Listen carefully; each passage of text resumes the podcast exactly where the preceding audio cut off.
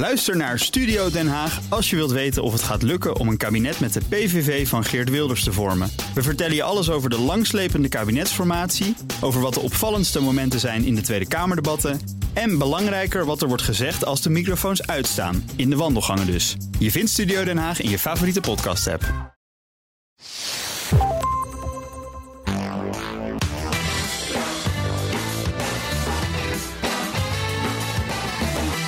Welkom, dit is de Ben Tichelaar podcast bij BNR. De podcast voor je persoonlijke en professionele ontwikkeling. We gaan het hebben over de toekomst van het thuiswerken. Welke veranderingen van het afgelopen jaar zullen blijvend zijn? En hoe ga je daarmee om? Wat is je rol als manager als ook in de toekomst de meeste mensen de meeste dagen vanuit huis werken? En hoe manage je jezelf als professional? Mijn gast is Jitske Kramer, corporate antropoloog en schrijver van de bestseller Werk heeft het gebouw verlaten. Jitske, ik hoorde dit boek heb je in tien dagen geschreven, klopt dat? Dat klopt. Hoe ging dat? De, de, de, tien dagen vooral alleen maar schrijven, nadenken, schrijven en in gesprek met uh, LinkedIn. Ja. Dus um, een vraag daar stellen, antwoorden horen, nieuwe vragen horen en dat verwerken in het boek. En dan, ja. ja heel erg leuk. In het boek staan heel veel uh, ja, antwoorden op de vragen die jij op LinkedIn hebt gesteld aan mensen. Uh, eigen uh, ervaringen ook met die eerste periode van de lockdown, maar ook na een tijdje hoe dat thuiswerken zeg maar verloopt. Uh, ja, misschien wel heel leuk als je er even eentje uit het boek zou willen voorlezen, waarvan je zegt, nou dat, dat laat wel een klein beetje zien hoe mensen die lockdown en dat thuiswerken ervaren. Jazeker. Nou, hier is er eentje. Op mijn slechte dagen denk ik, mijn vak is dood. Ik denk in seizoenen. Volgend voorjaar is het beter. Nu is het echt dag na dag doorkomen. Ik merk dat ik woorden als behouden en missen het meest gebruik. Ja, dit is wel vrij donker, hè? Dit is een donkere. Ja. ja. ja. dus ik vroeg aan mensen van, nou ja, welke ge woorden gebruik je nu veel?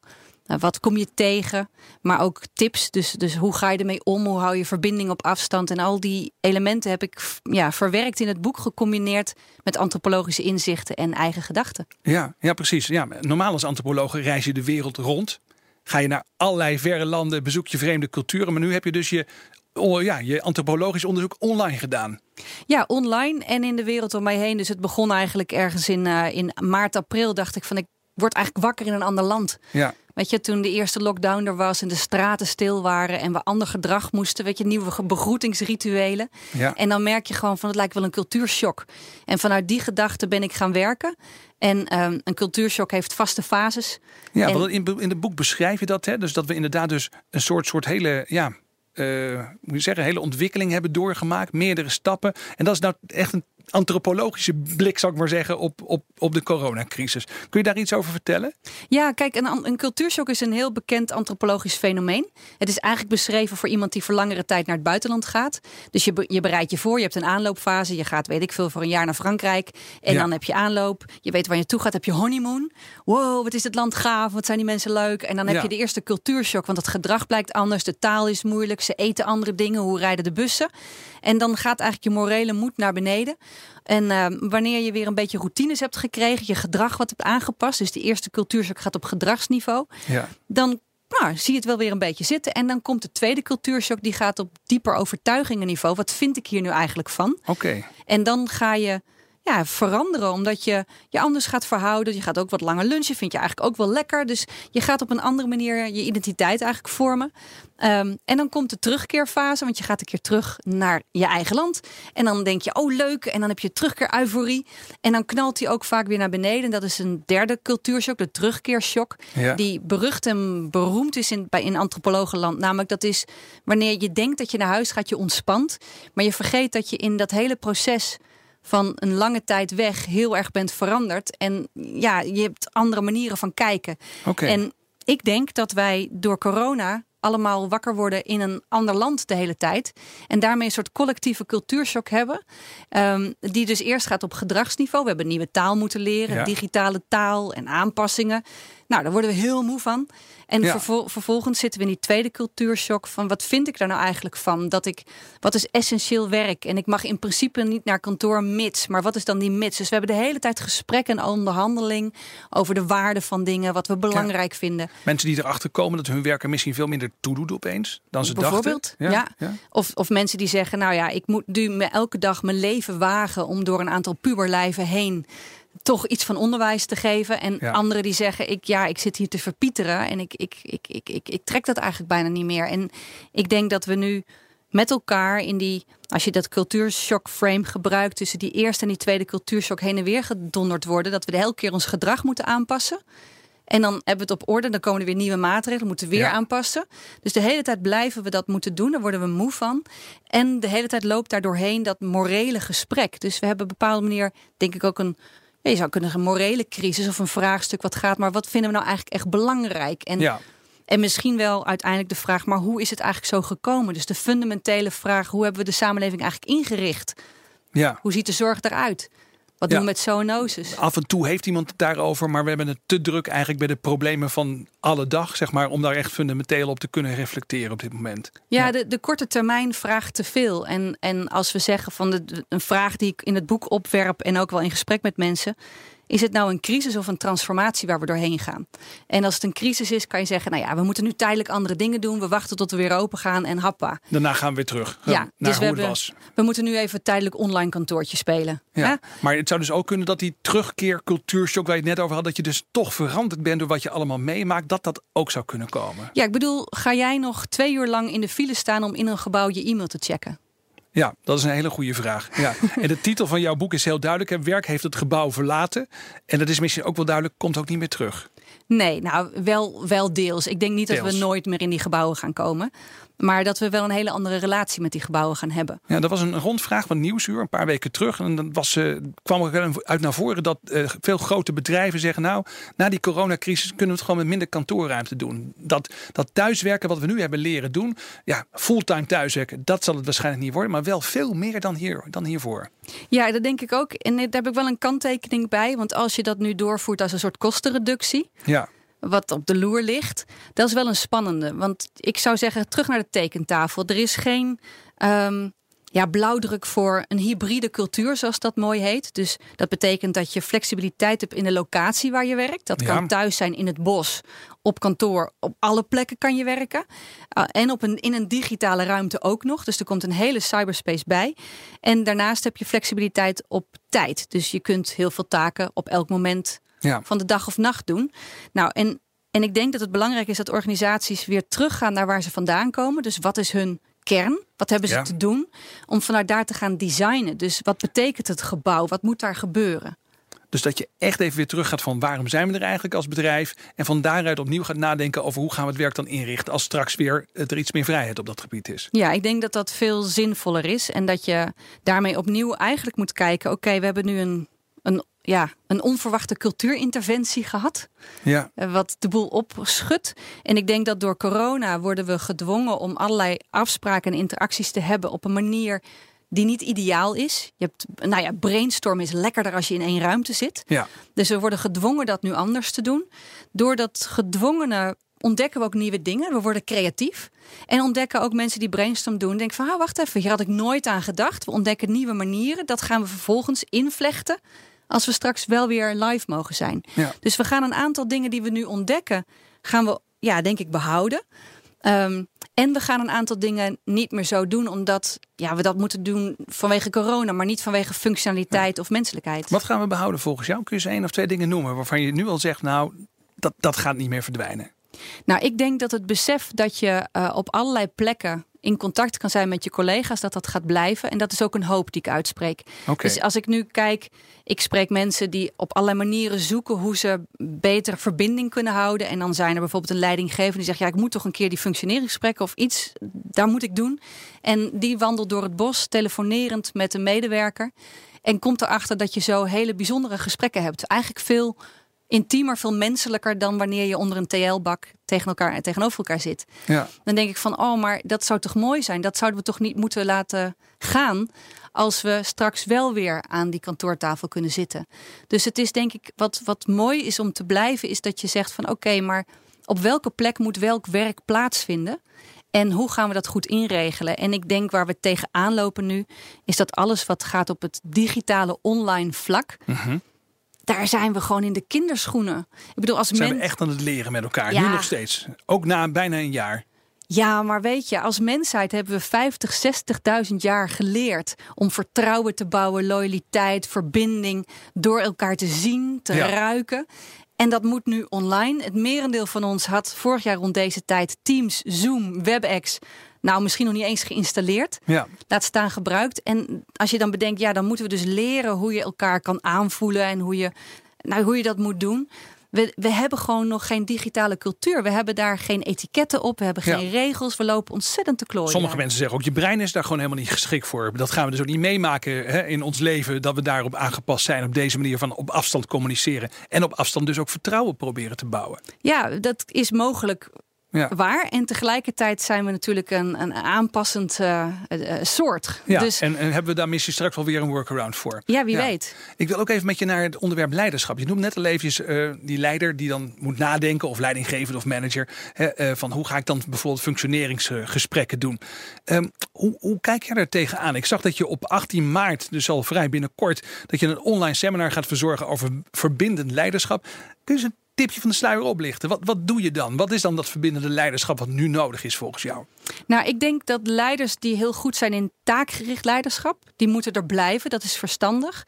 Alleen digitale communicatie is vooral heel productief. Maar de menselijkheid kan zo erg verdwijnen. Dus menselijk leiderschap. En dan gaat het over verbinden van, van mensen, maar nog veel meer van ideeën, van verhalen, van projecten. En wat je nu veel ziet, is dat organisaties, als je dat nu niet goed doet, fragmenteren. Dus mensen zeggen van ik zie eigenlijk alleen nog maar de projectgroep waar ik mee werk. Maar ik heb geen idee wat die andere afdeling aan het doen is. Ja. Dus ergens rond de zomer zeiden mensen, ja, hoe verbind ik mijn team? En, en nu hoor ik de vragen veel meer terug, maar hoe verbind ik eigenlijk de afdeling of de organisatie? Ja. En dat verbindend leiderschap gaat wat mij betreft heel erg over hoe zorg je dat het verhaal gedragen wordt door iedereen, dat we ons allemaal daarbij kunnen voelen. Zowel de mensen die er al zitten als bijvoorbeeld nieuwe medewerkers. Hoe verbind je die aan je organisatie? Daar heb je echt dingen in te doen. Dat is ook wel echt een nieuwe uitdaging dan voor leidinggevenden. hè? Want in het boek kwam ik ook op een gegeven moment mensen tegen die zeiden: Ja, mijn manager weet eigenlijk niet meer zo goed wat hij moet doen.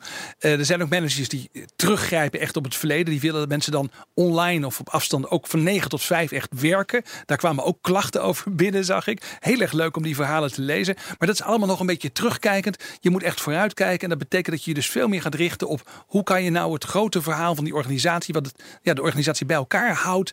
Dat, dat moet je dus gaan vertellen. Ja, je moet niet proberen, denk ik, je kantoor. Dus het geen online kantoortje spelen. Nee.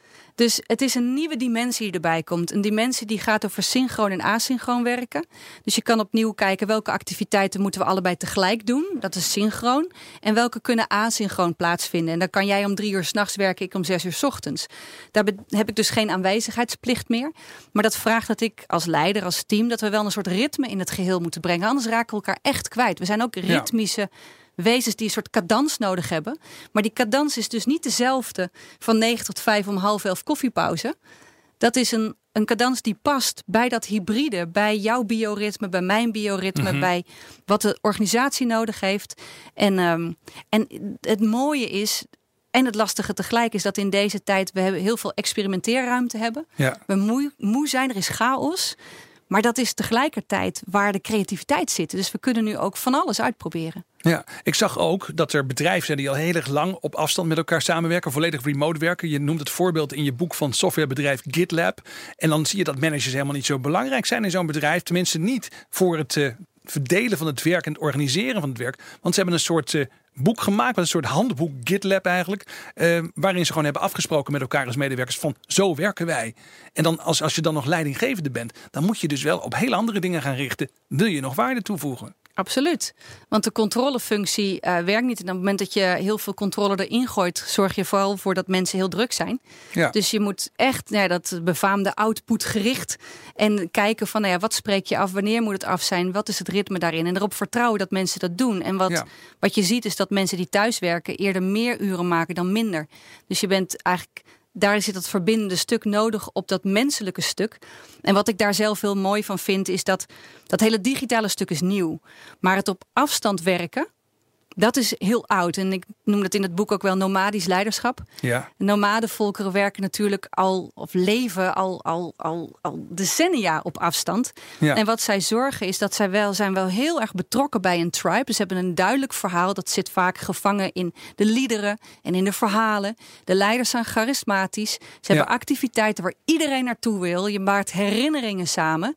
Zodat iedereen in de tijd dat je weg bent van de tribe, dus dat je in je eigen gemeenschap, subgemeenschap woont, je eigen bedoeling hebt. Je weet wat je moet doen, je hebt besluitvorming. En ik denk dat we dat in organisaties ook moeten doen. Dus, dus toch, toch echt die oude antropologie. Uh, die kan je dan helpen om in deze nieuwe tijd weer even te kijken hoe je misschien een nieuwe invulling kunt geven aan de, toch die fundamentele behoeftes die we blijkbaar hebben. Om dus ergens bij te horen en, dat, en dat, dat gedeelde verhaal te hebben. Ja, mooi hè? Ja, ja ik denk altijd van als, als ik als mens maak dit voor het eerst mee en, en, en jij ook. Eh, maar als mensheid hebben we al wel voor hetere vuren gestaan. Dus hebben we, we best wel veel ervaring. Ja. En, maar dan moet je wel weten waar je het vindt. Ja. ja. Even tussendoor. Uh, je luistert naar de Ben Tichelaar podcast bij BNR met in deze aflevering de toekomst van het thuiswerken. We hebben het net gehad over de cultuurshock die we hebben ervaren en de nieuwe rol van leiders. Maar het is natuurlijk ook wel interessant om even te kijken naar onszelf. Wat is onze nieuwe rol? Hoe kun je een goede collega zijn? Bijvoorbeeld in deze tijd of een goede professional. Ik bespreek het met Jitske Kramer, corporate antropoloog en schrijver van de bestseller Werk heeft het gebouw verlaten. Uh, de toekomst van het thuiswerken. Hoe kunnen we hier zelf goed mee omgaan? Wat moet ik doen? Hè? Als, ik, als ik nadenk over bijvoorbeeld leiders of managers, dan kijk je gauw een beetje van je af. Ja, zij moeten het voor me regelen. Maar hoe kan ik mezelf goed uh, managen in deze tijd? Nou, wat een mooie vraag. Ik, ik, ik zelf werk al jaren thuis. Uh, als ondernemer. um, ik denk een van de dingen, uh, je eigen bioritme goed volgen en weten wanneer je waar energie voor hebt en dat goed afstemmen is essentieel. Ja. Um, dat is het mooie van thuiswerken. Dat is ook wat iedereen zegt, de flexibiliteit.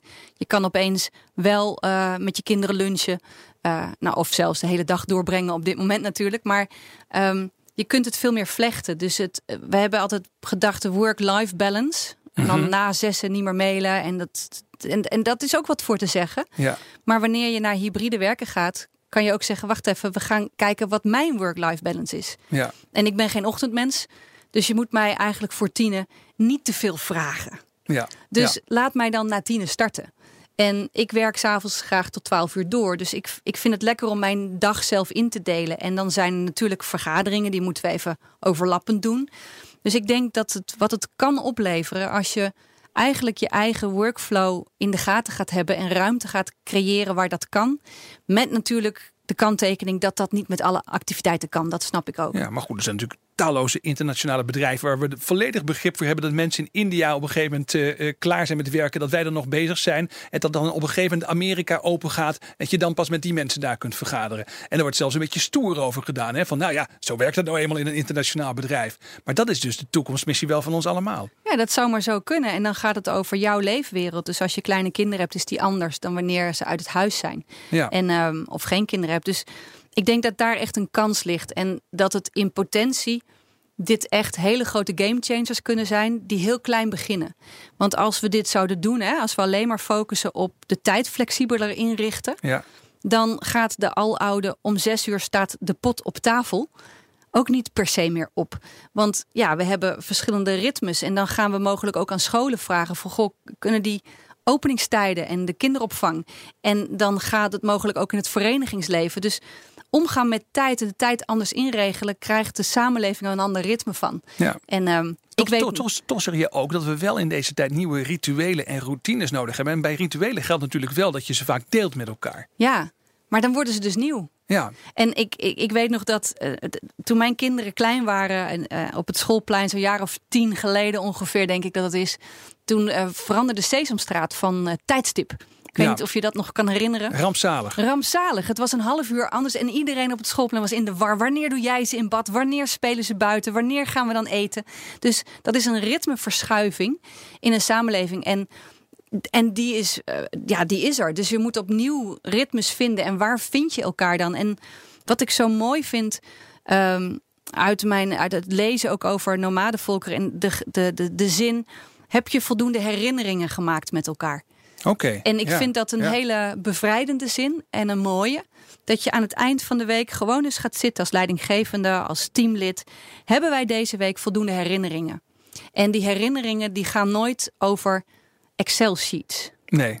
Nee, dat gaat over inderdaad de echte menselijke interactie. Ja, dus dat menselijke verbindende is daar essentieel in. En dat je met elkaar zorgt dat er momenten zijn dat je elkaar echt tegenkomt. En wat je ziet van die bedrijven die 100% remote werken en dat al jaren doen, die hebben ook gekeken van oké, maar hoeveel uren en als je dat optelt, hoeveel uren in een week vroeger, weet je nog, toen we naar kantoorgebouwen gingen, dat je al die minuten bij elkaar optelt, dat je even naar de lift loopt en dat je even iemand spreekt, dan heb je zo drie, vier uur per week wat je aan dat soort tijd besteedt. Ja. En, ehm, Een soort marge in de dag, maar ook ruimte voor toevallige ontmoetingen. en ruimte voor Mijmeren. mijmeren, invalshoeken. Je staat bij de lift en denkt, oh wacht, daar ging het over. En je komt iemand tegen en zegt, dat is ook wat, wat in mijn gesprek met LinkedIn mensen heel erg terugkwam. De serendipity, dat, het Ja. onverwachte wat we missen. En dat kan je ook online creëren. Maar dat, we weten gewoon nog niet zo goed hoe, want daar zijn we nog maar een jaartje voor Hoe doe, onderweg. hoe doe jij het? Jij werkt ook samen met mensen. Je creativiteit is in jouw werk ook ontzettend belangrijk. Hoe creëer jij die serendipiteit? Nou, wij hebben, het is heel plat en heel praktisch, maar we hebben bij per app gezegd wat is het ritme van de app. Dus wij Ja. hebben WhatsApp, dat is SOS. Oké, Eh, we meteen hebben reageren. meteen, dan is er echt iets aan de hand. Dus daar moet je ook niet mee klooien. Dat is, dan is er echt wat aan de hand. Je hebt de Slack. En de Slack is onze kroeg. En dan, nou, binnen 24 uur krijg je Ja, is van die antwoord. projectmanagement software geloof ik, hè, waarin je een soort digitale kanalen hebt waar je allerlei dingen kunt delen met ja, elkaar. en wij hebben precies. bijvoorbeeld, we hebben hele praktische kanalen als alles organiseren en dat soort dingen. Maar we hebben twee kanalen die maar dierbaar zijn. En ik denk die voor ons essentieel zijn. Dat is het kanaal Random Fun Ja, en het kanaal Random Shit. Oké. En daarin delen we van alles wat je wil. En er is geen norm. Je mag zelf weten hoe vaak je er bent. Maar het is onze kroeg. Waardoor ik altijd weet wat er aan de hand is. En er tegelijkertijd iemand. Ja, dit is er aan de hand. Hartstikke leuk. En in het andere kanaal iemand zegt. Nou ja, het ziet echt even niet zitten. Ja. En dat maakt dat wij heel veel verbinding voelen. Dus wat wij hebben gedaan is. We hebben per communicatiekanaal gekeken. Wat is het ritme? De Ja. e-mail gebruiken we bijna nooit. Maar als we het doen, daar zitten de zwaardere projecten en dingen in. En als dat snel beantwoord moet worden, dan zeggen we op de app: You've Je hebt, mail. een, je hebt een e-mailtje. ja, precies. In het boek aan het einde waarschuw je voor valse hoop. Kun je dat eens uitleggen? Ja, dat is een, een, een. Je moet. Kijk, hoop is in principe gegrond in de realiteit. Maar het heeft nog wel een soort uitdaging in zich. En valse hoop is dat je het niet grondt in de realiteit, maar in een fantasie. En dan wordt die vals, want dat gaat nooit gebeuren. En in het boek Ja. heb ik daar een prachtig voorbeeld van de cargo cults, maar dat voert te veel voor nu. Ja, dat moeten we lezen. Dat moeten we lezen in jouw boek. Ik vond het heel erg leuk ook om al die verhalen tussendoor te luisteren. Het is eigenlijk een boek ja, wat je geschreven hebt samen met jouw lezers, zou je kunnen zeggen op deze ja, manier. mensen voelen ook wel dat Ja. het hun boek is. Dus dat is, dat is heel erg leuk. Het is een, eigenlijk een ja, mini-etnografie van het leven nu. Werk heeft het gebouw verlaten. Geschreven door Jitske Kramer. Jitske, ontzettend leuk dat je te gast wilde zijn vandaag hier. Graag gedaan. Ontzettend leuk dat ik langs mag komen. Dit was de Ben Tichelaar podcast bij BNR. Met als gast deze keer Jitske Kramer. Tot de volgende aflevering.